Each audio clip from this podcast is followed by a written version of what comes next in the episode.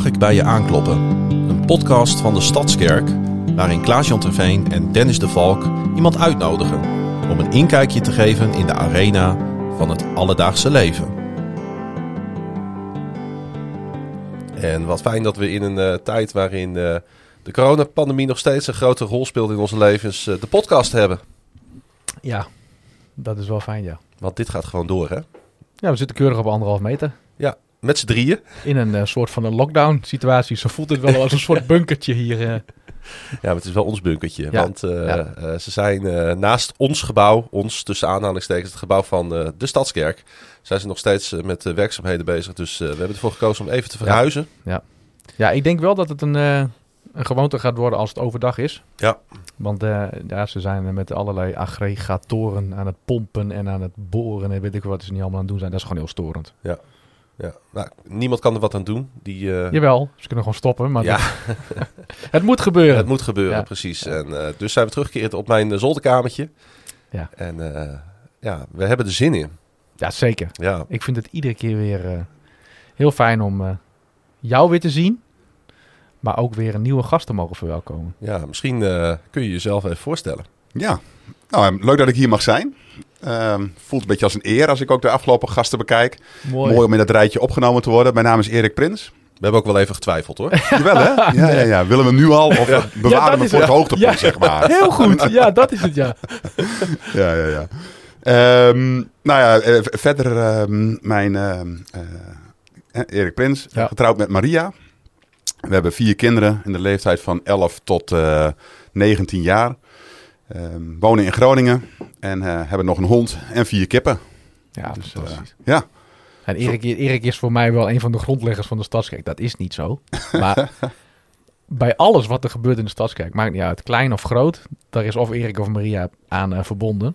Ja. En dat is ook iets wat heel vaak niet, nou, niet zichtbaar is. Mhm. Maar jullie zijn gewoon een soort stille, stabiele krachten die altijd meegaan in de, nou, in de nieuwe koers die we zo nu en dan inzetten. En dat vind ik Ja. mooi. ja, door de jaren heen hebben we wel wat eh, eh, plekken ingevuld inderdaad. Ja, jullie hebben wel jullie sporen verdiend in die zin. eh, we kunnen op jullie bouwen, dat is gewoon mooi. Ja, letterlijk bijna hè. Nou, trouw vind ik ook wel een van de belangrijke waarden daarin, zeg maar. Dus, Ja. eh, Ja, nou, en Ja. En, en dat zijn jullie.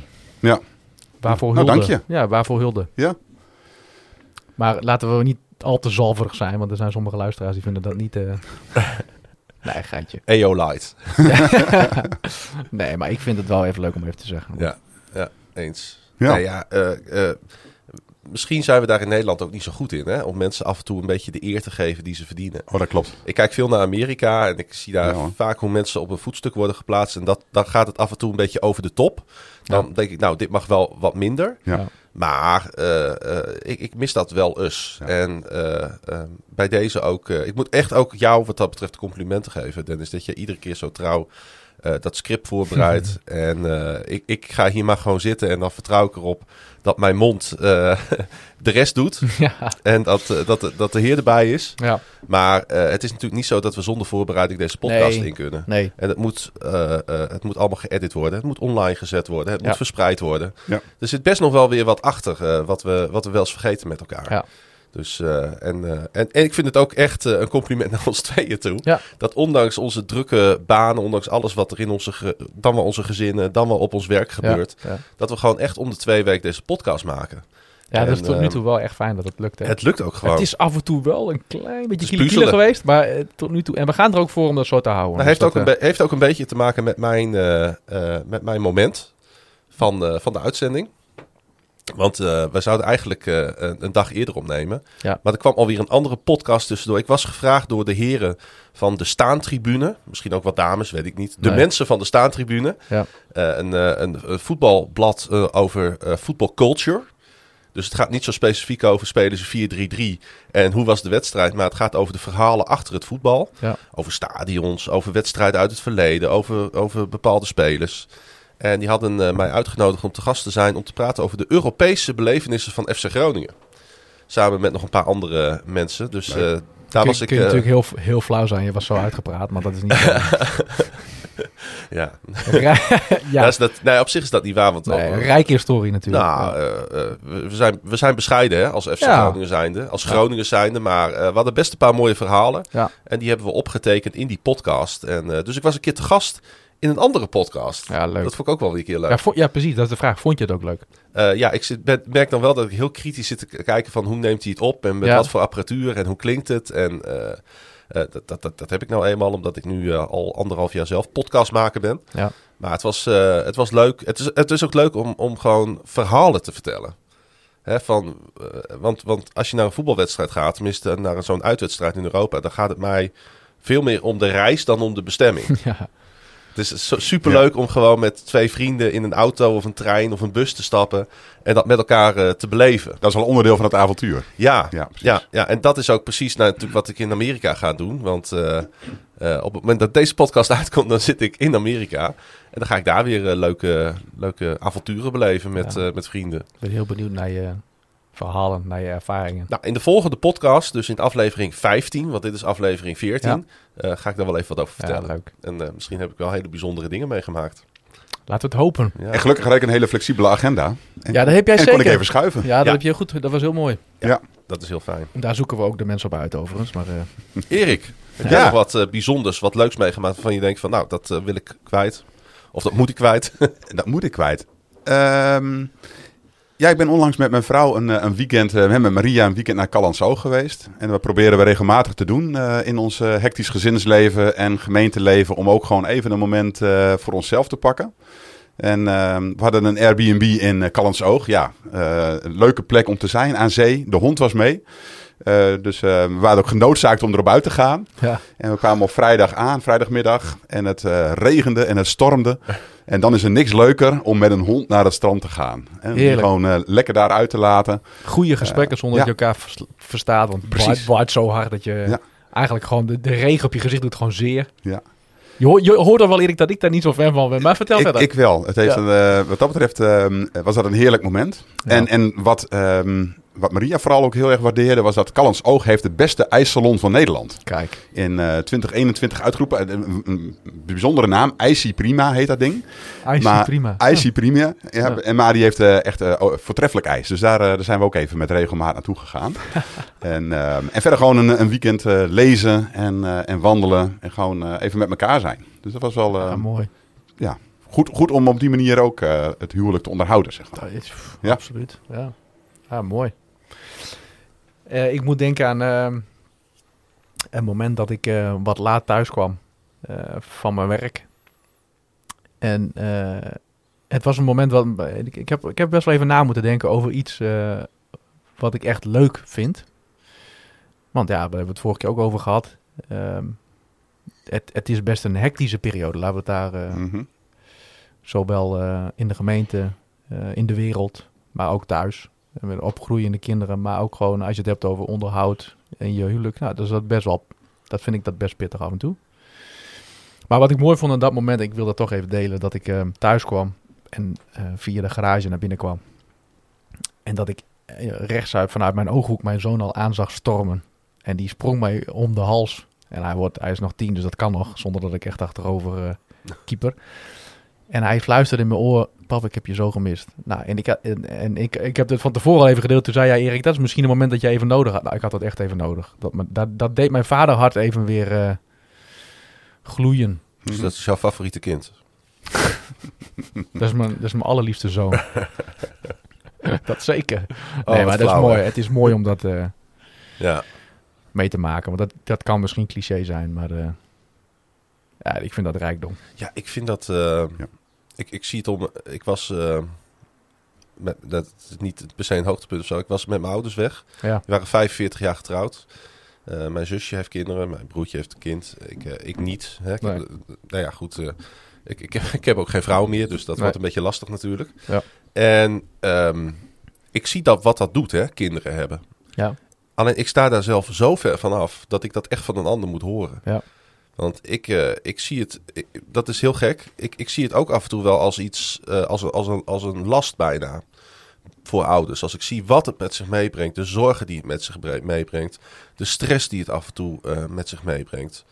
Ehm, ik vind dat het klopt. Echt, heel, dit, dit als ik dan drie, vier dagen met die kinderen zit Ja. opgescheept tussen aanhalingstekens, want ik hou ontzettend van ze en ik vind het echt geweldige kids.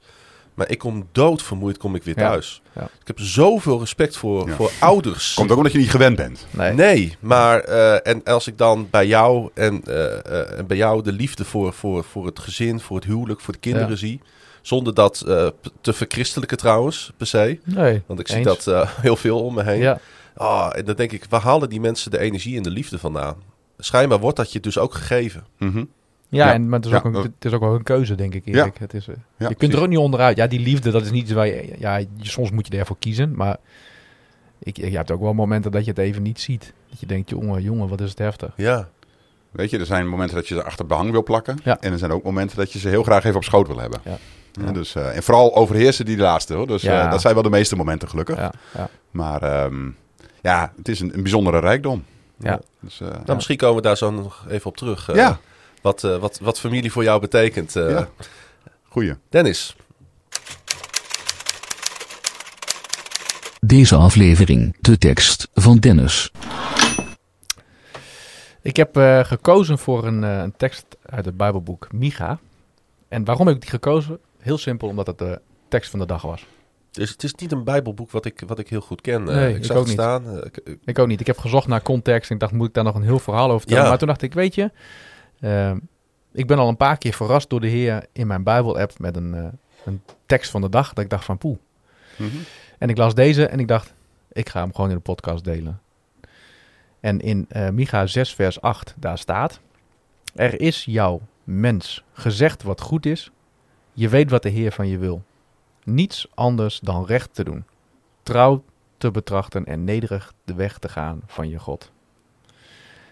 En ik denk dat je hier best een preek over kunt eh, schrijven en uiteindelijk kunt eh, geven. Hm. Maar er zitten een aantal elementen in die ik mooi vind. Eh, we beginnen de podcast al met het woordje trouw. Vond ik al mooi dat die hier ook in terugkomt. Want trouw is niet alleen iets wat je doet naar je partner, naar je gezin, maar ook naar je gemeente. En Ja. absoluut naar de Heer. Ja, en wa- wa- wat ik mooi vind is, en je weet wat de Heer van je wil. ja, dat vind ik soms voor nog- mij uit. eh, dat vind ik soms nog wel eens lastig. Ja. Maar, maar er staat niets anders dan recht te doen. En dan kun je zeggen, wat is recht? Nou, eh, uiteindelijk is dat ook niet in, in, in twee mooie volzinnen te vangen. Maar ik denk dat het... eh, dat de rijkdom uit de, zeg maar in, in Gods woord ligt als het gaat om wat is, wat is de wil van de Heer. En wat is recht doen. En dat is ja, dicht bij hem te blijven. Jezelf ook, ook wel kritisch in de spiegel aan te kijken of je ook op het rechte pad bent, om het zo maar te zeggen. Dat is een mooie woordspeling als het gaat om recht. En ik, ik, vind, ik vind het gewoon ook, deze rubriek, iedere keer weer dat ik denk, oké, deze tekst even voorlezen en nou, laat hem maar gewoon even op je inwerken. Hm. Want je kunt, je kunt echt de neiging hebben om dan helemaal te gaan uitleggen eh, wat het is. En eh, nou ja, eh, alle, allerlei zaken erbij te halen. Maar volgens mij is het gewoon goed om even neer te zetten. Niets anders dan recht te doen. Trouw te betrachten en nederig de weg te gaan van je God. Heeft een van jullie twee wel eens dat je, eh, dat je even niet weet wat je moet doen, of je bent op zoek naar een antwoord, een antwoord in je leven of een antwoord van God, maar dat het antwoord eigenlijk al recht voor je neus ligt? En jij bedoelt daarmee de Bijbel. Ook. Ja. Ook, maar er staat hier, je weet wat de Heer van je wil. En eh, ik, ik had een laatste discussie over met iemand die zei, ja, ik bid iedere dag en dan vraag ik aan God van, wilt u mij leiden en, en, en zend mij en Ja. zet mij neer op, op de plek eh, waar u mij wil hebben, enzovoort, enzovoort. En dat voelt heel zwaar, dat voelt heel groot, dat voelt heel meeslepend om op die manier zeg maar met God bezig te zijn. Mhm. En, ehm, en, en toen zei ik tegen diegene, ik zeg probeer eens nou eens in alle rust te kijken naar de situatie waarin je je bevindt en te kijken wat jij kunt betekenen voor een ander. Dat bedoel ik eigenlijk met, eh, met je weet wat de Heer van je wil. Ja. Misschien zonder dat we het eerst allemaal maar willen vragen, moeten we eerst eens bij onszelf te raden gaan. Ja. Van heeft God misschien het antwoord al aan mij gegeven? Mhm. Ja, ik heb dat zelf al gehad met. eh, nou ja, het ging al even over de verschillende bedieningen die we hebben gehad. Ik heb gehad in de gemeente. En eh, ik zat vol in het eh, jeugd- en jongerenwerk. En ehm, eigenlijk ehm, werd het allemaal wat te veel. Eh, want daarnaast was ik ook nog facilitair voor wat dingen verantwoordelijk. En ik, ik liep er gewoon in vast. Maar ik wilde Mhm. het zelf niet zien. Want eh, ik, ik voelde me daarvoor verantwoordelijk. En eh, het was een, een plek waar ik wel van genoot. Maar in combinatie was het wel te veel. Tot ik op een gegeven moment door, door Arjan erbij geroepen werd. Zo van, ja, weet je, uiteindelijk gaat dit niet goed. En je moet dit gewoon loslaten. Mhm.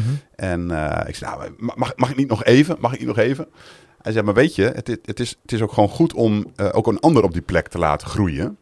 Ehm, en zelf een stap terug te doen. En feitelijk wist ik dat al lang. Ja. Ik, ik wist al dat, dat eh, God voor mij een nieuw plan had en een, een, een nieuwe taak, zeg maar. Maar het, het loslaten was wat ik vanuit mijn eigen ja, vlees klinkt ook weer zo geestelijk, hè, zo christelijk. Ja, maar vanuit, mezelf wilde ik het niet. Ja, Ja. vanuit mijn eigen eh, wie ik was, wilde ik het niet loslaten. Terwijl ik wist dat het goed, goed was en dat ook God dat wel van mij vroeg om, eh, om ook verder te gaan. En dus, ehm, Ja, ik had het wel heel erg met deze podcast. Dat, dat ik gevraagd werd hiervoor. En dat ik eigenlijk gelijk wist dat dit, dat dit, eh, eh, dat dit al in het verschiet lag. ja, Mhm. ja. Alsof ik het bijna aan voelde komen. ja. Ja. Ja. Ja. Dat ik dacht van ja, ik hoef, ik dacht, ik hoef dit ook helemaal niet meer met God te overleggen. Dit is namelijk al voor mij overlegd. Ja, precies. Ja. Laat, laat ik nou niet zo moeilijk doen. ja, dat is mooi. Ja, Mooi, je hebt het over bedieningen. Ja. Kun je eens eh, misschien eh, voor de mensen die luisteren nog wat meer toelichten wat, wat, je, ja, wat je doet in de Stadskerk? Momenteel, Mhm. ehm, ik ehm, eh, ben kinderwerker bij het eh, kleuterwerk. Groep eh 1 en 2, daar, eh, daar ben, ik, eh, ben ik leider van. Vind ik erg leuk. Dan zijn ze net uit de luiers, weet je wel. Dus je hoeft dan niet meer luiers verschonen. en ze luisteren nog naar je. En dus de kinderen die daarboven zitten, groepen 7, 8, 9 zeg maar. Of 7, 8. Heb je gewoon strategisch heb je daar Ja, ja, eh, strategisch, gekozen? strategisch Ja. gekozen. En daar ben ik acht jaar geleden mee begonnen toen eh, mijn jongste zoon naar groep 1 ging. En toen was er een oproep van Theo dat er eh, kinderwerkers nodig waren. Dus nou, daar spring ik op in. Dat vind ik mooi. Ik vind het ook echt een mooie taak. Eh, daarnaast ehm, zit ik in Stichting Stadskerk Groningen. Toen wij het ge- kerkgebouw kochten eh, van Briefwerk en nu dus ook als kerkeigenaar zijn, is daar een stichting voor opgericht waarin het eh, eigendom en het beheer van, eh, van de kerk valt. En samen met Hans Meerveld en Joop Kruid zit ik in, in dat bestuur, zeg maar, voor het beheer van het gebouw. Eh, ook een erg leuke taak, maar dat is weer heel bestuurlijk. Ja. Dus eh, dat is, eh, daarnaast, ja, ik vind het, vind ik erg leuk. Maar zonder die stichting geen Stadskerk, hè? Precies. Ja hoor, wij mogen het geld uitgeven. Ja. Dus Ja. Ja. wat, wat, wat gelukkig ook binnenkomt. Ja, ja, en, en daarnaast ben ik nog community leider samen met Maria op een hele leuke community in het noorden van Groningen. En ehm, ja, dat doen we ook met veel plezier. Dynamische community. We hebben helaas net een heel leuk gezin moeten uitzegenen. dat eh verhuisde naar Buffalo. En eh, dus Ja, die, met veel pijn in mijn hart, Erik.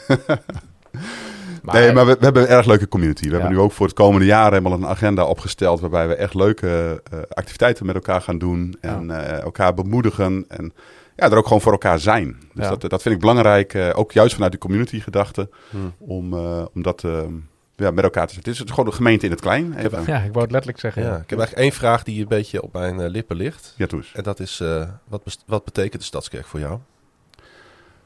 Oeh, dat is best wel een grote vraag eigenlijk. Ehm, Maar dat kan Klaas-Jan heel goed. ja, ja. Ja. Ehm, In één keer is hij daar. Het, het is voor mij echt wel... eh, Wat doet het met je als ik deze vraag stel? ehm, Hmm. Nou, dat was niet mijn bedoeling om je... Hey. oh, ik ben heel emotioneel hoor, ik Ja. zomaar. Maar eh, nee, de gemeente is voor mij echt wel een, een, geestelijk huis. Het is echt mijn, mijn familie, echt mijn gezin. Ja. En eh, zo zie ik het ook. En nou ja, we lopen inmiddels ook een paar jaar mee. Hè, dus ik, ik ken ook een, eh, een groot deel van het gezin. En ehm, als ik daar kom, en dat vond ik ook het moeilijkste... en daarom ben ik ook emo- emotioneel. Ja. Ehm, in de lockdown hebben we er gewoon een tijd lang niet kunnen zijn. En op het moment dat je dan voor het eerst weer binnen loopt... dan voelt het gewoon echt als een opluchting. Zo van, hè, we mogen weer. En we, zijn hier weer. En, en we zijn in, ehm, ja, in, ons, in mijn huis, zeg maar. Hè? Ja. Dus ik zie, Ja. ik zie de Stadskerk, ehm, eh, het gebouw is daar natuurlijk een belangrijk deel in. Maar ook gewoon hoe we als gemeente bij elkaar zijn... zie Ja. ik echt als, eh, als, als gezin. Hè? Dus Ja. ja. Hoe, lang, hoe lang kom je eigenlijk al in de Stadskerk? Eh, mijn eerste dienst dat ik eh, de Stadskerk bezocht... dat was toen nog VWG natuurlijk... Was ehm, eh, 3 januari 1998. Ja. Dus dan hebben, dan hebben we het al wel over de Stadspark, ja? Nee, Nee, nee. dat was nog in Leeuwenborg, Ja. in, eh, in het dok. Ja. Eh, dus daar lag ook mijn eerste bediening. Het klaarzetten van de stoelen op zondagochtend. Het is wel voor het eerst dat dat woord volgens mij valt in onze podcast. Het dok. Ja. Ja, Ja, ne- ne- ne- neem ons eens mee naar, die, naar, die, naar de situatie daar. ja, dat is leuk. Ja, dat was een leuk clubje. Ehm, eh, ik kende mijn vrouw net. En ehm, ik ben zelf, eh, zoals eerdere gasten ook wel, opgegroeid in de gereformeerd vrijgemaakte kerk. Ach, hebben we er weer een. Heb ik weer een. Ja. En mijn vrouw die, eh, die is opgegroeid in de Pinkstergemeente. Ja. En wij kregen een relatie. Daar is ook nog heel veel over te vertellen. Komt misschien later.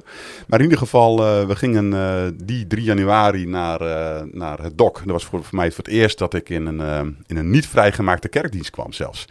En ehm, eh, in het DOK ja, was een clubje van, van 150 mensen. Eh, Wim Stoorvogel was toen net twee jaar voorganger in de gemeente.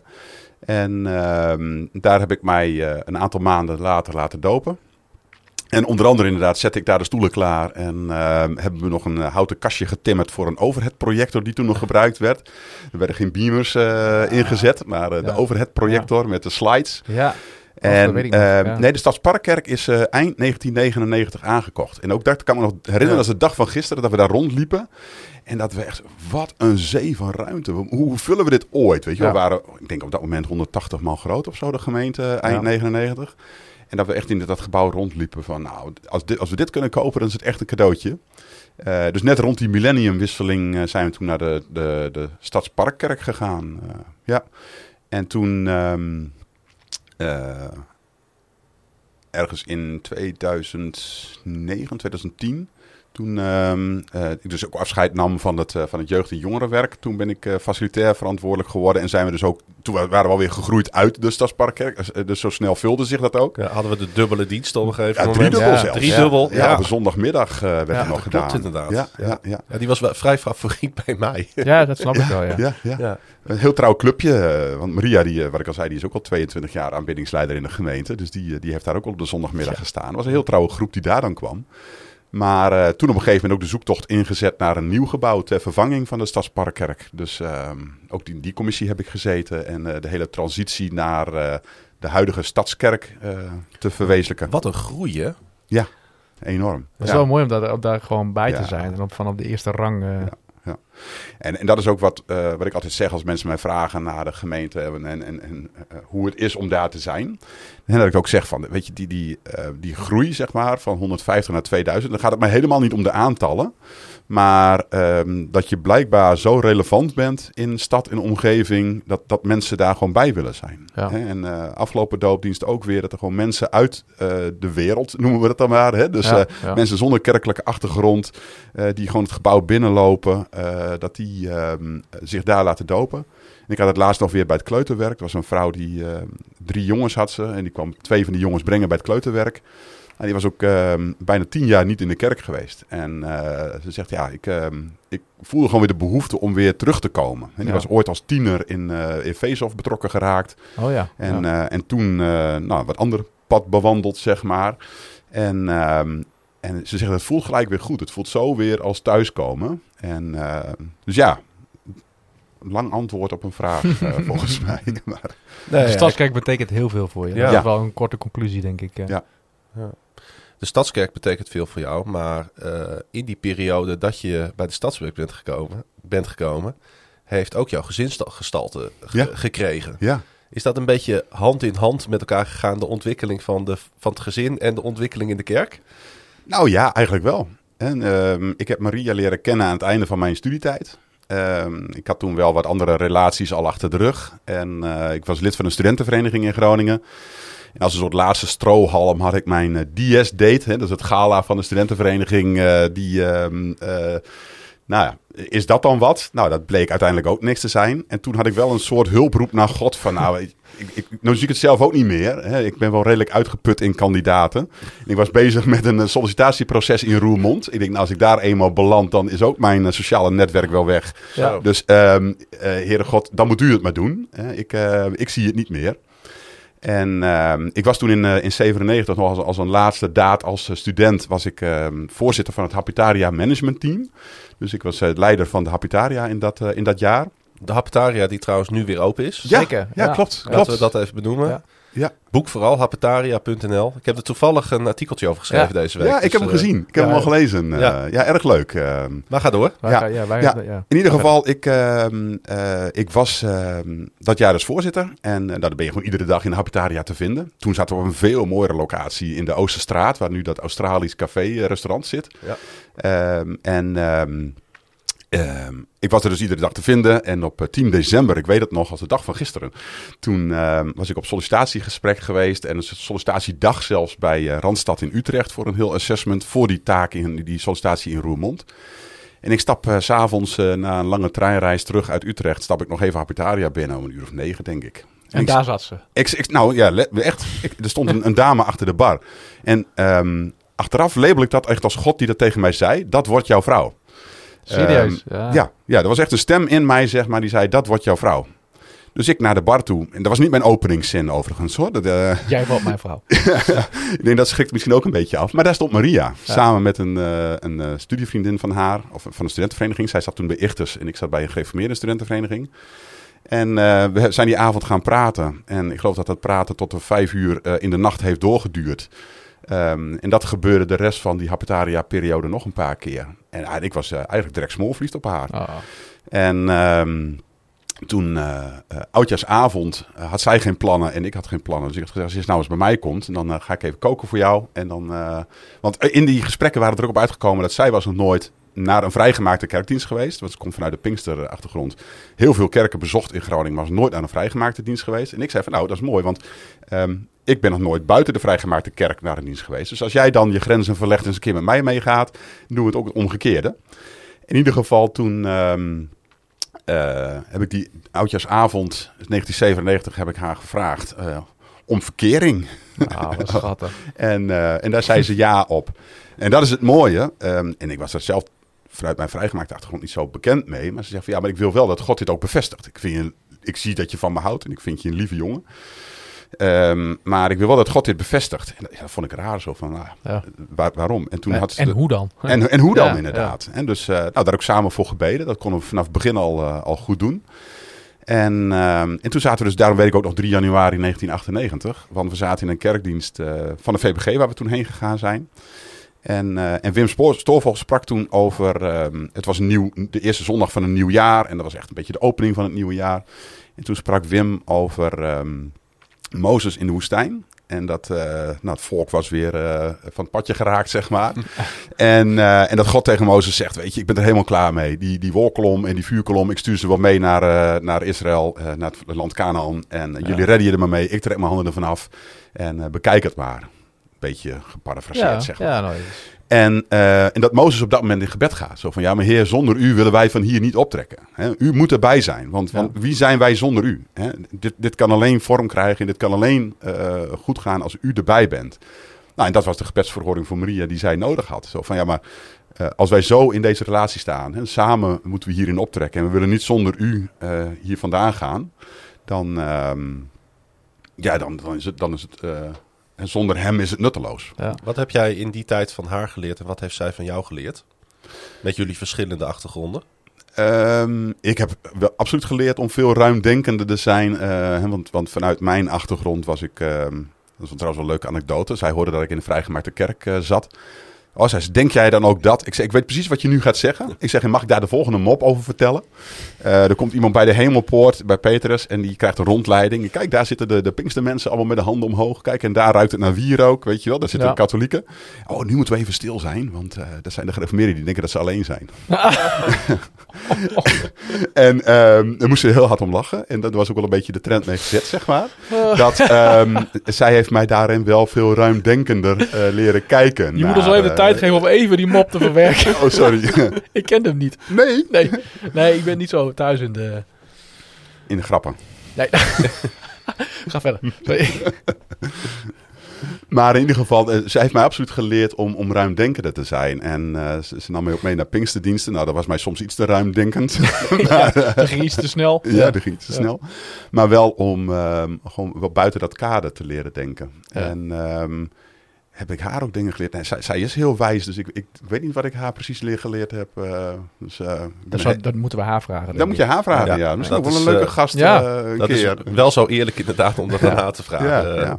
ja, Ja, Maria is zeker een leuke gast. ja, Dat klinkt heel gek wat ik nu zeg. Maria is een leuke gast. ja. De prins te Rijk, daar zit hij. Ja, precies. Absoluut. Ja. Ja, Nou, dat- en daar, daar is ons gezinnetje ontstaan, zeg maar. Ja. Negen Ja. maanden later waren we getrouwd. Dus eh we lieten er geen ijs over groeien. Dus, Nee. nee. De grappige is, zij is 20 november is zij jarig. En eh, we leren haar, elkaar op 10 december kennen. En op 1 oktober eh, zijn we getrouwd.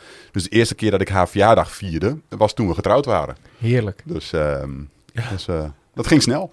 Ik zie dat ook wel. Ik heb dat veel om me heen gezien. Hè, van, ik heb een gereformeerde opvoeding gehad en een gereformeerde school gezeten. En ik zag de een na de ander op een gegeven moment zag ik trouwen om me heen en Ja. kinderen krijgen. Ja. Alsof, en, en er is echt helemaal niets mis mee. Alleen ik had dat in eerste instantie niet. En ik, ik, het heeft heel lang geduurd voordat, eh, om verschillende redenen, dat, dat ik uiteindelijk eh, getrouwd ben eh, met, Ja, met, ja. met Renske Vera. Dus ik heb altijd wel een beetje gevoeld alsof ik een beetje uit de pas liep of zo. Ja, begrijp Ja. ik goed, ja. Ja. Nou, ik was ook 27 hoor, toen ik trouwde. En daarom misschien Oh. ging het ook wat sneller. En Maria was 23 en ik was 27. Ja. Dus ehm, dan weet je iets sneller eh, wat je wel en niet in een relatie Ja. zoekt. En wat je, of je dat in die ander vindt. Ja. Dus, Ja, dat ehm, denk ik ook, ja. Ja. Dus ik had hetzelfde hoor. Mijn, eh, mijn broer was al getrouwd, had al een schare kinderen. En, eh, en ook mijn vrienden in mijn omgeving, zeg maar. Hè, die einde studie 23, 24 trouwden. Zat Ik toch een bepaald algoritme zat erin. Ja. Ja, ja zeker. Ja. Ja. en dan een jaar later de kinderen natuurlijk. Hè? En dat heeft bij ons ook iets langer geduurd. En pas, Alsof het allemaal maar zo natuurlijk is. Dat is het natuurlijk niet. Nee. Nee, nee, nee. Nee. Klopt. Maar hoor. wacht even, daar zeg jij iets. eh, ja, dat heeft lang, heeft lang geduurd. ja, ja. ehm, ehm, want ja, we kenden elkaar eigenlijk maar negen maanden toen we trouwden. En eh, we hadden zoiets van, ja, elkaar leren kennen kunnen we ook doen als we getrouwd zijn. Ja, ja. Ehm, dus, ehm, en ik had een studieschuld, dat is ook niet onbelangrijk om Nee. te benoemen. Nee. Dus we hadden zoiets van, ja, voordat de kinderen komen, we willen wel dat mijn studieschuld eh aflost. Maria had geld, dus daardoor konden we trouwen. En eh, een rijke vrouw getrouwd, zeg ik wel eens. Heel goed. Eh, maar, ehm, eh, dus we hebben eerst mijn studieschuld aan de kant gewerkt en eh, we hebben eh, elkaar goed leren kennen. En eh, in eh, 2002 is Daniel geboren, onze, onze oudste, die eh, nu 19 is en thuiswonend student.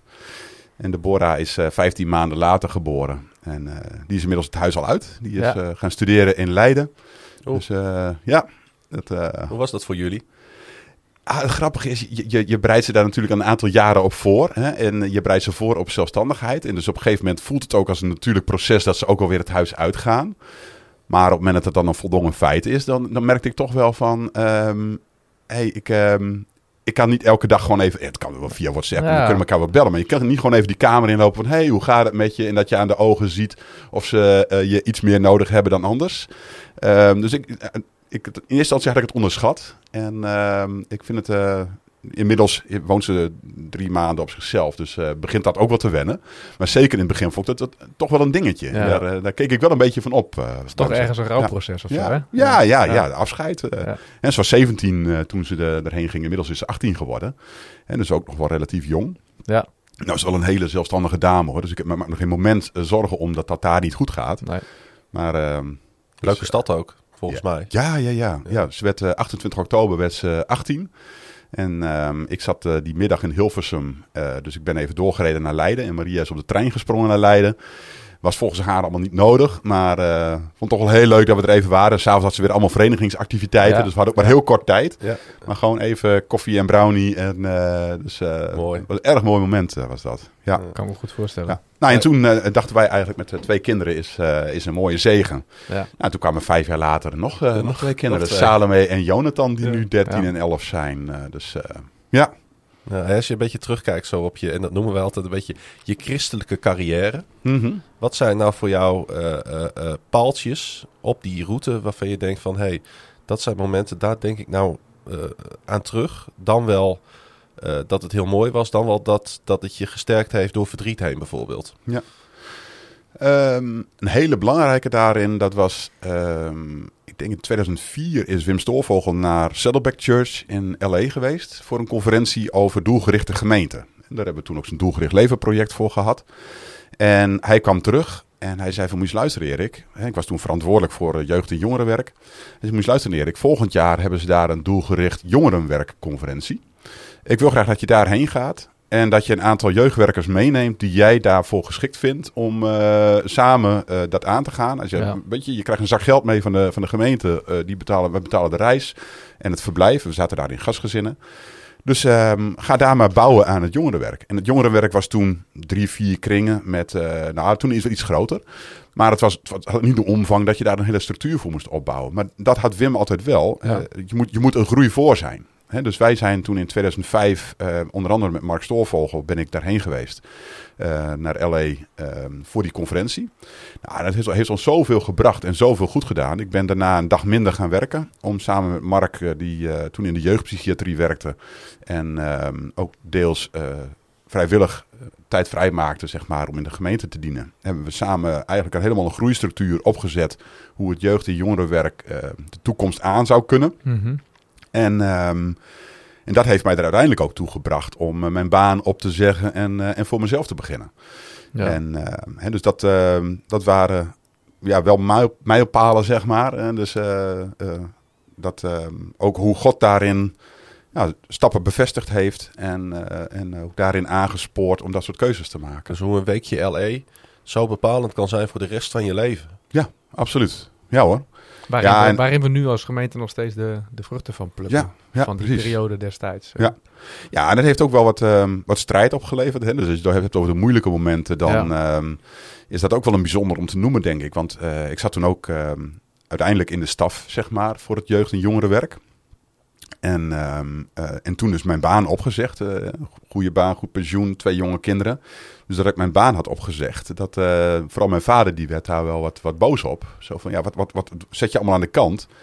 En, ehm, en toen heb ik gezegd, van, ja, maar ik zie dit wel als roeping van God. Om dit nu voor de gemeente te doen. En, en voor God te doen. En niet, niet alleen voor de gemeente, maar ook voor Mhm. God te doen. Om ja, vanuit die rol, zeg maar, in de gemeente te stappen. En ik heb er toen bewust voor gekozen om niet betaald in dienst te gaan bij de gemeente. Want dat was ook een fulltime vacature voor een jeugdwerker. Maar daar heeft Mark Stoorvogel toen op gesolliciteerd. Dus die kwam in dienst. En ik was eh, zelfstandig en maakte ongeveer een 20 uur in de week vrij om eh, samen met hem te bouwen aan het jeugdwerk. Nou, dat, was, eh, dat was een mooie, bijzondere tijd. En later is dat gelukkig met mijn vader wel weer helemaal goed gekomen. Maar bijzonder was ook dat we toen in de tijd als eh, staf gingen we ook door een eh, soort eh, trainingstraject. En toen kreeg ik het boekje De Droomgever Ja, van, van Wilkerson. Ja. En daarin werd je eigenlijk al voorbereid op obstakels die je onderweg tegen zou kunnen komen als je je droom volgt. En daarin worden dat de bullenbakken genoemd. Ja, hè. Die je dan tijdens dat traject tegen gaat komen. Die je gaan ontmoedigen om je droom te verwezenlijken. En, eh, en dat, dat stond er ook bij beschreven. Dat die bullenbakken zijn vaak de mensen die het dichtst bij je staan. Die je eigenlijk wil behoeden voor, voor fouten die je mogelijk maakt. Dus jij hebt je vader een bullebak genoemd. Ehm, ik weet niet of ik hem dat ooit rechtstreeks zo heb genoemd. Heb genoemd. Ik heb een hele goede relatie met mijn Ja. vader. Hoor. Dus eh, als hij dit hoort, dan, eh, dan we- weet hij ook wel dat dat eh, ehm, gelukkig wat genuanceerder ligt. Want ik weet dat hij dat uit zorg voor mij deed. Hè? Wat ik zeg, we hadden twee jonge kinderen. En, ehm, Heel begrijpelijk overigens hoor. ja, en Ik, ik begon met niks, zeg maar, mijn ZZP'erschap. Ik heb mijn baan opgezegd en ik had niks. Dus, ehm, eh, en dat is ook aan de andere kant door God gezegend hoe dat toen ontwikkeld is. Ik ben wat in verzekeringen en hypotheken gaan doen. Eh, en dat heeft eh, een tijd lang de, de rekeningen betaald. Tentenmakers. Tentenmakers, ja, ook een, een naam met een Oh, achtergrond. Ja, Ja. precies. Ja. Ja, ook bewust gekozen. ehm, niet mijn eigen naam aan de gevel te plakken, maar een naam en een boodschap. Heeft zelfs de krant nog gehaald een ja, keer. ja. de e- economiepagina van Dagblad van het Noorden. Die had toen eh Hoeperdulu en Co. Een rubriek over bijzondere bedrijfsnamen. En ik had het ingestuurd dat ik dus tentenmakers eh heette, maar Ja. geen tenten maakte. En eh, daar hebben ze mij toen over geïnterviewd. Een heel stuk in het economische eh, sectie van, de, van Dagblad van Noorden terechtgekomen. Wat, wat, is wel wat- grappig, Wat, kranten. Wat een krant, hè? Wat Ik heb krant, het hè? allemaal een beetje langs de zijlijn gevolgd. Het is wel Ja, even ja, we grappig. zaten-. Ja, ik was Zaten toen regelmatig een keer een bakje Ja. koffie te doen met elkaar. Ja. Klopt. Ook nog wel samen, herinner ik me nu, ook wel gepoogd een soort ondernemersnetwerk neer te Ja, zetten binnen ja. de gemeente. En Ja. dat was best wel, eh, Een paar keer een middagje ja, dat was, was hartstikke leuk. Ja, precies hoor. Her- Herken jij dit een beetje? Dat, dat jij ook op jouw route, eh, als, als eh, in, in jouw eh, werk voor de kerk, Mhm. dat je dit ook tegenkomt regelmatig? Je bedoelt de bullenbakker? Ja, Nee, oké. niet nu. Niet v- van, want het- kijk, eh, Erik die deelt natuurlijk ook expliciet over de keuze die hij maakt om Mhm. vanuit een baan. eh, kijk, daar zit ik nu ook niet in, omdat ik natuurlijk al drie jaar werk, drieënhalf jaar. Maar ik heb wel ehm, in de periode dat ik mijn bij mij is het andersom gegaan. Mhm. Ik ben begonnen als zelfstandig ondernemer. Uiteindelijk heb ik geprobeerd... En niet vanuit de roeping door God. Nee, Nee. nee, nee. Uiteindelijk wel natuurlijk. Ja, ja. En toen ben ik gestopt met mijn onderneming. Omdat ik echt heel erg ervoer, dit gaat niet de goede kant op. En dan heb ik het nog niet over of ik ook heel erg veel fiducie had in de toekomst. Mhm. In de versnellende groei van internet en ehm, de opkomende partijen als bol.com. Dat soort grote spelers die eigenlijk alles verkopen. Eh, dus even losstaan van het economische argument. Had ik wel heel, heel erg sterk in de gaten. Oké, eh, ik moet wat meer aandacht voor een aantal G's. waaronder gezin, Mhm. maar ook geest, eh, God, gemeente. Ehm, heel bewust keuze gemaakt. Ik ga de boel eh, van de hand doen. Toen eh, gedacht, weet je, ik wil een vast stramien. Waar jij denk ik ook wel in kunt eh, herkennen. Ik wil gewoon ergens in dienst. Ik Mhm. heb vastigheid. Ik hoef niet iedere maand voor iedere euro extra te lopen. Maar dat was het ook niet. Ergens, daar ben jij ook wel, zo zie ik je ook wel. Als een ondernemend type die ook wel de handen vrij wil hebben. En ook wel ehm, de belangrijke dingen wil doen. Mhm. Nou, heb ik, ik heb dat negen maanden geprobeerd, maar dat was vanaf dag één. Letterlijk vanaf dag één wist ik, dit, dit gaat hem niet worden. Eh, En toen heb ik mijn baan opgezegd zonder enig perspectief, want ik had geen recht op WW, niks. Want ik was eh, nog niet twee jaar ergens in dienst. En ik had ook niet zo goed geboerd dat ik mijn, bedrijf verkocht had met een... eh, Een dikke zak geld. nou, precies. Dus ik... ehm, en daar heeft God in voorzien. En ik, heb, ik geloof wel echt dat ehm, de plek die ik heb gekregen op dat moment heel goed was. Dus ja, en ik kan me nu niet meer zo terughalen. Ik, daar zijn wel mensen tegen me. Waaronder mijn schoonvader bijvoorbeeld. Die heeft wel gezegd van ja, wat je nu gaat doen is echt niet goed. Je kunt Hm. niet zomaar je baan opgeven. Je hebt een gezin. En dat, dat begrijp ik heel goed.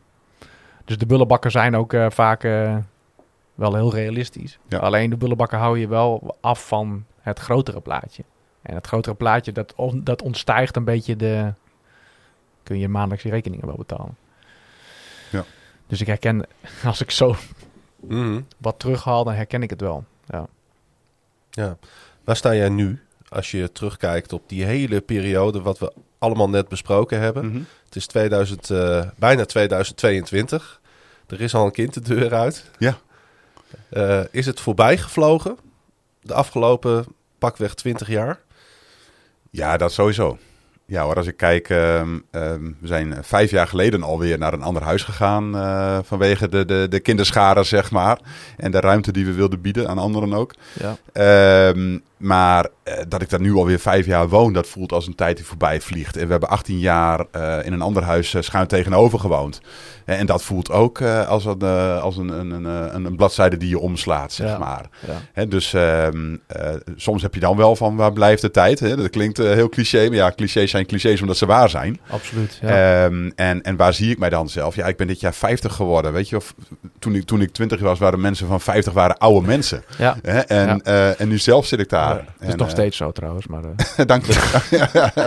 nou, de complimenten vliegen weer over de tafel. Eh, maar je ziet er niet uit als 50 in. Dat, is, heel, dat is heel eerlijk. dank je. Dat is niet om het recht te trekken, maar Ja, dat komt dat ik mijn haar afscheer. Hè? Dan zie je Ik het grijze niet. ik herinner me je, ik her- ik herinner het, me het moment nog zo dat je daar om de hoek kwam fietsen bij het crematorium met allerlei toeters en bellen. Ja, wat een fantastische verjaardag was dat. Toen hij 50 Ja, werd. even voor Klaas-Jan. Ja. Ehm, Ik heb daar foto's van Oh, gezien. wel? Wel? Ja, maar leg het voor de luisteraars maar even Ja, ja, ja. Nou, ik werd natuurlijk midden in de lockdown werd ik 50. En ik blijk Maria zelf het idee aan de hand te hebben gedaan. Dat Ja. eh, een van mijn fietsvrienden, die werd 30 in die periode. En ik zag op Strava dat zijn vrouw had allerlei dingen voor hem geregeld met een fietstochtje waar hij ingeluisterd was. En toen op de route allemaal eh, eh, fe- feestjes, zeg maar. En toen had eh, Maria, die had zoiets van, dat ga ik ook voor Erik doen. Ja, was- Dus er stond een fiets klaar met allemaal ballonnen met 50. En met, eh, ik kreeg een sjerp om met 50 en een pet op met 50. En ik, ik reed echt als een... ehm, Je reed als 50. een halve dorpsidioot. 50, nee, dat lukte niet. Nee, maar ik, ik, ik reed door de stad heen en, eh, en zat dus op, eh, eh, op, op, een route die uiteindelijk eindigde bij het PNR Hoogkerk. Ja. Had ik eh, 25 stations die ik langs ging met Ja. allemaal vrienden, familie, en, gemeenteleden. En ehm, die, die stonden mij op te wachten. En ik wist niet wie er allemaal stonden, ik wist niet wat ze voor mij hadden. Maar ehm, dat was echt wel een, een gedenkwaardige verjaardag. Totaal Ja. anders dan wanneer je gewoon thuis had gezeten. En, dus dat was echt wel een mooi feest. En het leuke is als je zo als een halve zool door de stad fietst. Je wordt ook nog door Jan en allemaal gefeliciteerd. Want ze zien gelijk... eh, Ja, dat was wel je- duidelijk, ja. Ja, precies. Ja, ja het was, leuk, het was een leuk feestje. Ja, absoluut. Ja. Blijft er nog wat te wensen over? Ehm, ja, weet ik eigenlijk niet. Ik, ik, ik ben wel een heel tevreden mens. Dus ehm, ja, Nou, dat is, dat is een blij en mooie. dankbaar Ja. vooral. Ja, zeker. Zullen, we, zullen we kijken wat Roelof te vertellen heeft? Nou, graag.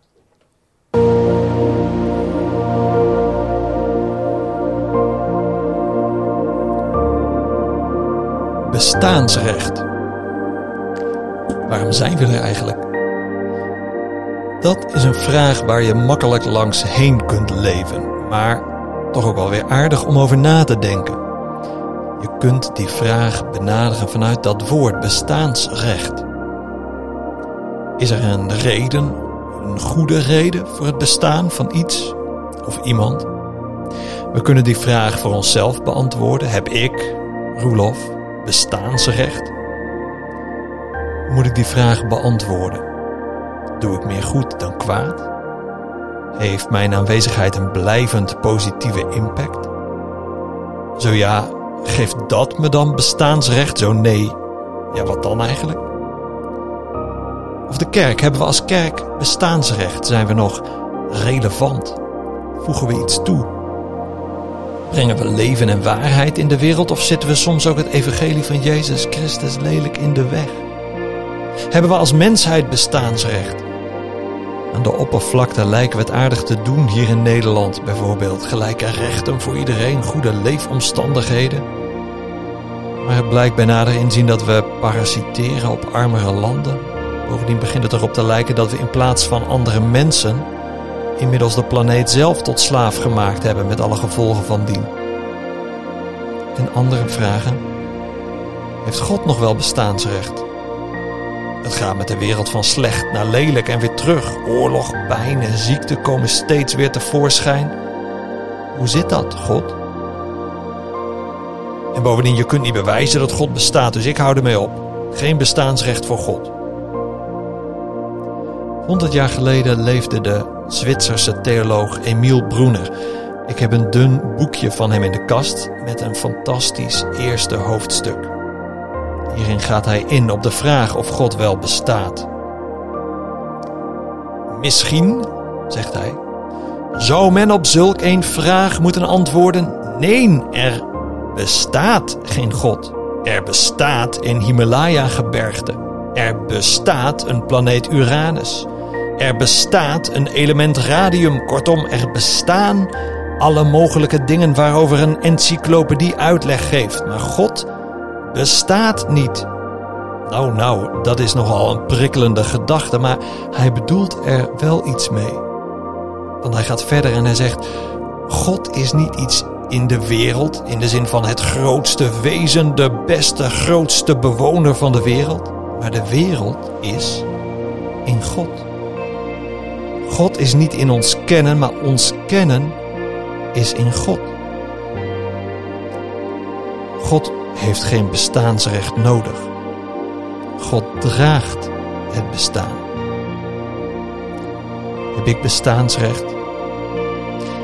Heb jij bestaansrecht? Ons bestaan is geborgen in God, die al het kennen overstijgt. We mogen er zijn.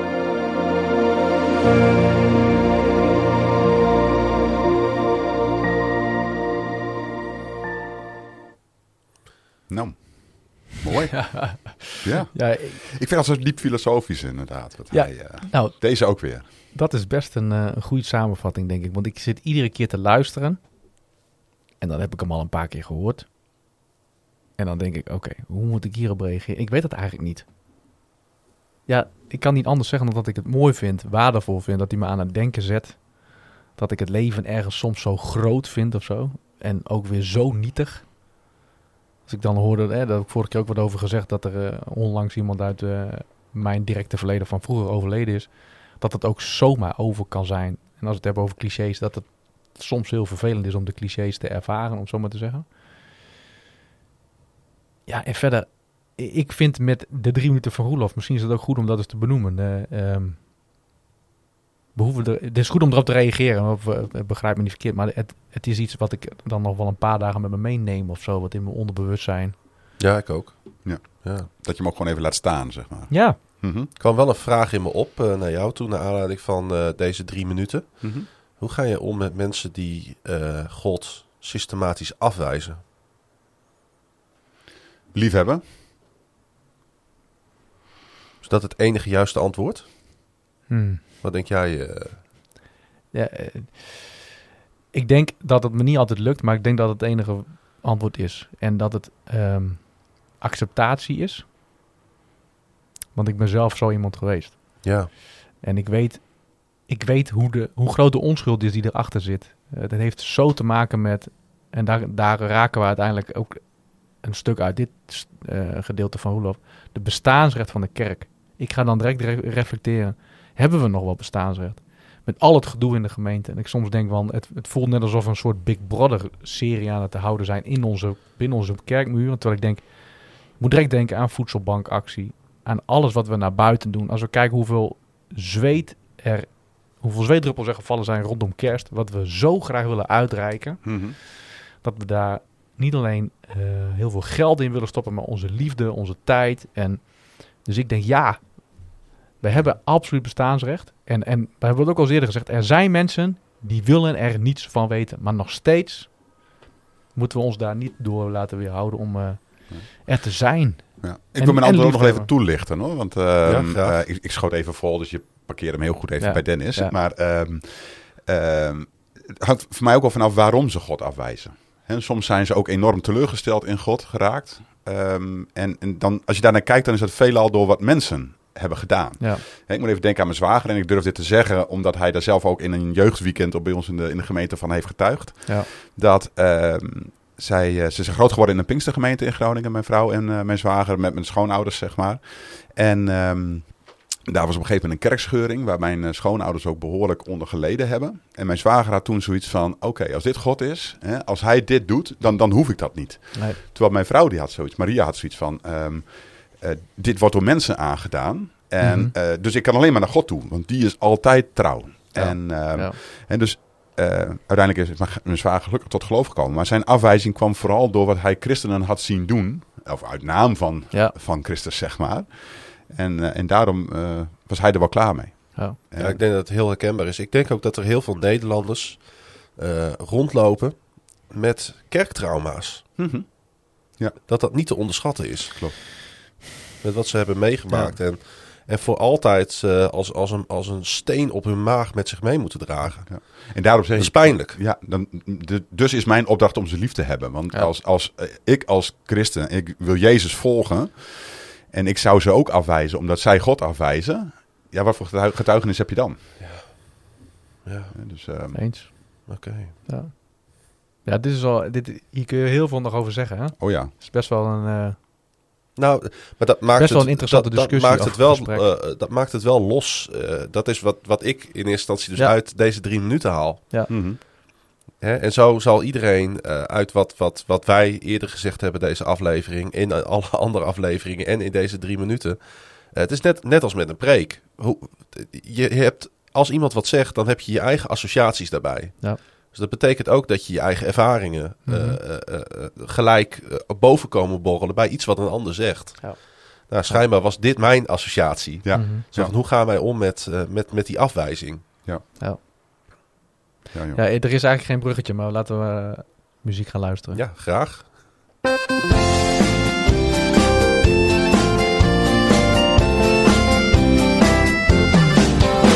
Liedje erin, liedje eruit. Want ik kan me voorstellen dat eh, muziek eh, bij jullie thuis een belangrijke rol speelt. Ja, zeker. Eh, de, de grap is wel dat eh, niemand bij ons een muziekinstrument speelt. Maar Maria, De stem, stem is ook een instrument. de Hè? stem is ook een instrument. Ja, ja maar dan nog. ehm, ik werd een keer door Maria in de dienst in mijn zij geport. Zo van of zingen of klappen, maar niet tegelijk. Want dat gaat niet goed. Geen gevoel voor ritme. Ik heb geen gevoel. Terwijl ik enorm van muziek hou. En Oh, ook ja. een hele brede muzieksmaak dat echt heb. wel een beetje pijnlijk. Ja, dat is Vond je ook. dat ook vervelend? Ehm, nou ja, ik ken mezelf. Dus we zeggen, eh, ik klap voor de heer, Maria. ook als ik uit de maat klap. ja, is maar dan, niet hel- erg. dan help ik haar ook uit de maat. hè. Dan is zij Ja, ook helemaal eh, van de wijs. Ja, dat, dat, dat snap ik. Maar ehm, nee, we houden ervan om, eh, om muziek aan te hebben. En op een zondagmiddag gewoon een, een, livestream van YouTube aan te zetten. Of een playlist aan te zetten. En ehm, ja, heerlijk. Ja. En ik zit veel in de auto, dus daar luister ik ook heel veel naar muziek. En, Podcast. en, en naar podcasts ook uiteraard. Maar eh, ook heel veel naar muziek. En gewoon lekker Hey, mijn eigen muziek. Eh, heb jij een eh, lied uitgekozen om erin te gooien? Zeker heb ik een lied uitgekozen om erin Nou, te da- gooien. daar hoopten wij al op. Ja. Ja, toch wel hè? Dat scheelt wel. Ik, Ja. ik heb gekozen voor Tasha Kops met het na, nummer Your Spirit. Ik weet dat eh Klaas-Jan fan is van, van nieuwe muziek. Nou, dat is deze helaas niet. Hij staat Nee. al een aantal jaren op YouTube en heeft al meer dan 150 miljoen views, zag ik. Ehm, Ja, maar het was voor mij goed. wel nieuw. Ehm, Afgelopen zondag eh, zette Maria hem op en, en dat nummer raakte mij zo. Ja. Eh, het nummer is geschreven door Tasha Kops samen met eh, onder andere Matt Redman en Kim Walker. En dan ga je natuurlijk vragen waarom we die erin hebben. Erik, waarom wil je dit lied erin hebben? Eh, nou, zal ik het eens uitleggen?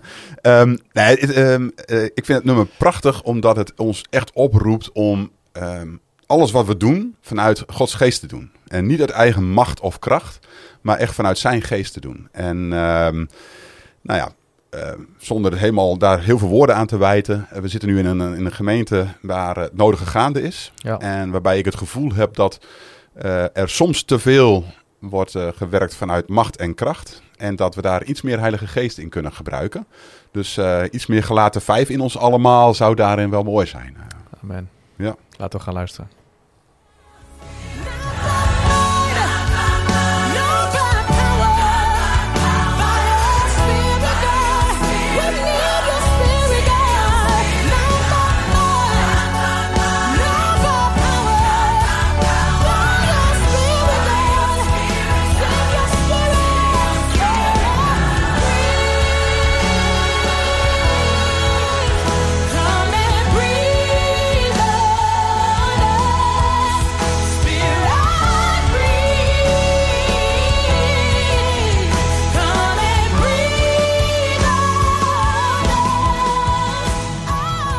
Ik moet haar altijd een beetje doseren, merk ik. Eh, Ik luister vrij veel eh, Tasha Kops. Ja. Maar eh, eh, ik moet het wel, eh, als ik een paar nummers van haar heb gehoord, het komt zo binnen, het is zoveel. ja. klopt. En eh, ehm, ehm, eh, er zit zoveel kracht.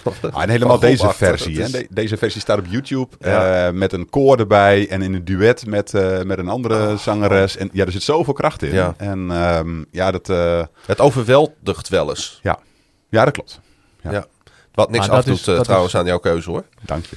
Nee, want over, precies, oh, het, dat lied overweldigt zeker. Maar je moet, dan, je moet hem niet een paar keer achter elkaar horen. Nee. Maar de eerste keer, gewoon eh, af en toe is, is het echt... eh, ik ben wel echt met je eens, het doet ook wel iets. De, de, we hou- we houden ook wel een beetje van bombastisch.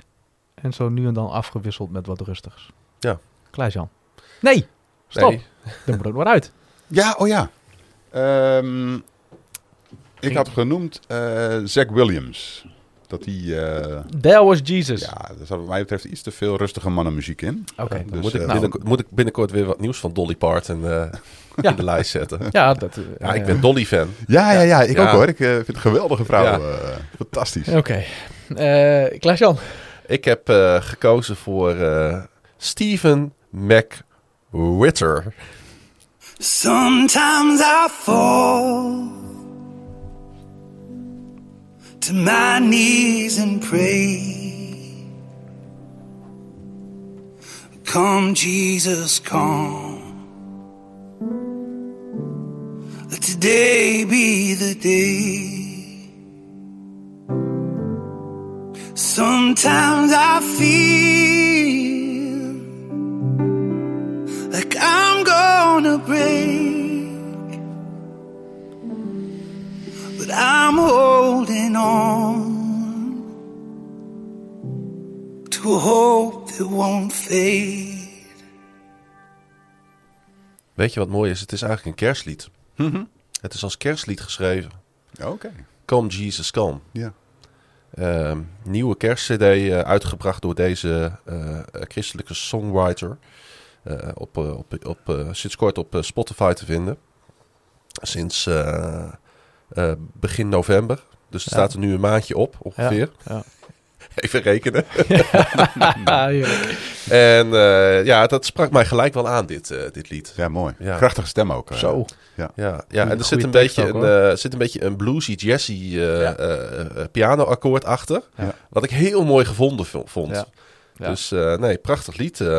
Heel erg bedankt voor deze twee toevoegingen trouwens. Ja. Heel rijk. ja, ja, we vinden eh, toch steeds weer wat, eh, wat bijzonders. Hè? Ja. Rijke, rijke eh, put waar we uit... eh, nee, een rijke...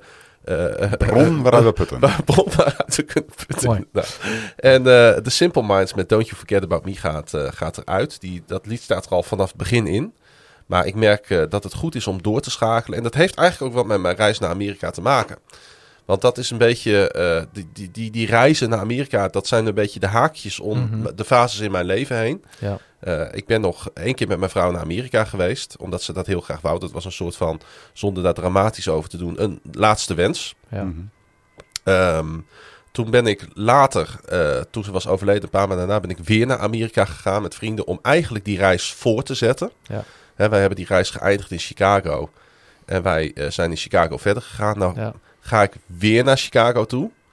En ik dacht van, met dat in mijn achterhoofd eh, en het feit dus dat we ook gewoon door moeten gaan in het leven. Ja. Dat we nieuwe fases ingaan, dat we nieuwe periodes ingaan, dat we niet per se de knop omzetten. Daar hou ik niet zo van, van dat soort termen. Het is ook niet een, het afsluiten Het is, van een niet, hoofdstuk het of is, het is geen afsluiting, Nee. maar het is wel gewoon weer een nieuwe fase. En ik denk van, laat, dan, laat ik symbolisch dit lied, wat iedereen nu wel gehoord heeft, want dat is het ook natuurlijk, Ja. om, eh, om dit eruit te halen en, eh, en, eh, en heel bewust ook te kiezen in, eh, ja, zo richting het eind van dit jaar, voor, eh, voor die gedachte, voor die kerstgedachte. Eh kom Jesus, kom. En eh, van mij mag die morgen komen. Ja. Ja. Van mij mag die ook over eh, 40 jaar pas komen, want er is nog genoeg moois in het leven te ontdekken. Amen. Ja. Dus Ja. eh, het, is een, het is een wens voor de lange en voor de korte termijn. Ik vind dat je het prachtig verwoordt, Klaas-Jan. Want eh, jij, had, jij had als enige het veto eh, Ja. om dat lied eruit te halen. Ja. Hey, ehm, ik kan dit eigenlijk niet zo goed overtreffen, denk ik, maar ik ga het gewoon proberen. Ik heb eh, gekozen voor een, ehm, eh, niet, niet, niet voor een nieuw lied. Ik heb toch gekozen voor Hillsong, omdat het gewoon een mooi, lekker, diepgaand, goed, opzwepend lied is, vind ik. En eh, de, de titel van het lied is Love So Great. Ik denk dat, dat je hem wel kent als luisteraar. Geniet ervan.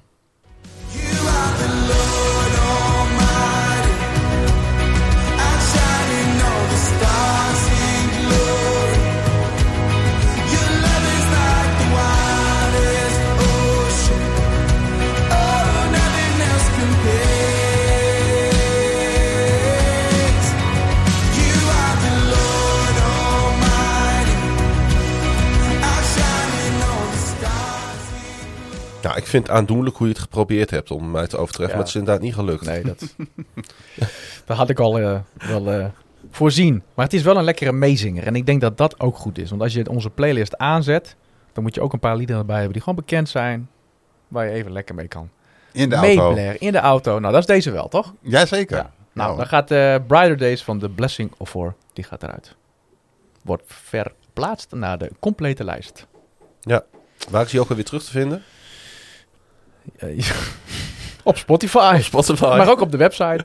Ja. En in de show notes. Oh ja, Ja. tuurlijk. Nou, ja, maar dat, zijn, eh, ja, dat is nog wel leuk om even op te roepen. Eh, ik denk, eh, we hebben op die lijst, op die complete lijst zitten nu twee, vind ik leuks. Dat mag wel iets meer. Ja, Ook voor degene die dat doet. eens. Zal ik het ook doen?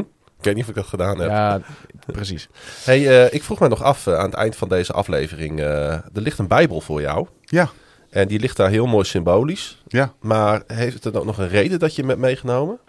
Nou, ik, eh, ik ga elke vrijdagochtend naar het huis van gebed. Eh, tenminste, dat probeer ik elke vrijdagochtend te doen. Dus eh, aangezien de podcast ook in de kerk opgenomen zou worden, had ik even een uur voor de podcast aan, had ik het huis van gebed geboekt. En ehm, dan heb ik mijn Bijbel bij me. Ja. En ehm, ik, eh, ik had nog wat Bijbelteksten genoteerd voor, eh, voor de uitzending. Ehm, Is er nog één die je ons wil meegeven, zo als afsluiting? zoals afsluiting. Ja, Ehm, waarvan je denkt van, hé, hey, dat, eh, dat, dat heb ik vanochtend nou, op mijn hart gekregen. Nou, ik las in mijn stille tijd dus vanmorgen spreuken eh, 3 vers 9. En dat daarin staat, vereer de Heer met je bezit. En eh, dat vind ik een hele mooie, want eh, dat is in de podcast, podcast helemaal niet aan de orde gekomen. Maar ik hou van geven en ik hou van, eh, van weggeven. En, ehm, eh, en dus die, die, die spreuk, zeg maar, die is mij wel op het hart geschreven. Nou, de huur van deze studio is 50 euro per uur, dus eh, ik wil net zeggen, hebben we nog een QR-code? nee, maar even zonder gekheid. Mooi. ja. mooi. Mooi hoe jij daarin staat. Nou, Ik vond het mooi om het te ontvangen, Erik. ik ja, denk, het was mooi om hier te zijn. Ja. ja, ik denk dat we elkaar gaan bedanken voor eh, de komst naar eh, de zolderkamer van KVM Media. Erik, eh, bedankt en eh, alle goeds gewenst voor jou Dankjewel. en jouw eh, gezin. Ja, dank je. En eh, natuurlijk eh, willen we ook eh, jou, de mooie luisteraar, bedanken voor wederom het luisteren naar deze podcast van de Stadskerk. Dit was aflevering 14 van Mag ik bij je aankloppen? Wil je reageren op deze aflevering? Dat vinden we leuk. Mail ons dan via podcast.destadskerk.nl. En wil je deze podcast delen? Ook dat vinden we leuk. Over 14 dagen dan zijn we er weer en dan is het, eh, ja, dan is het bijna kerst. Gehad. Ja, bovenal bedanken wij. Danken wij aan het eind van deze aflevering onze vader. Hij die was, hij die is en hij die komen zal. En, lieve luisteraars, hij komt spoedig. Amen.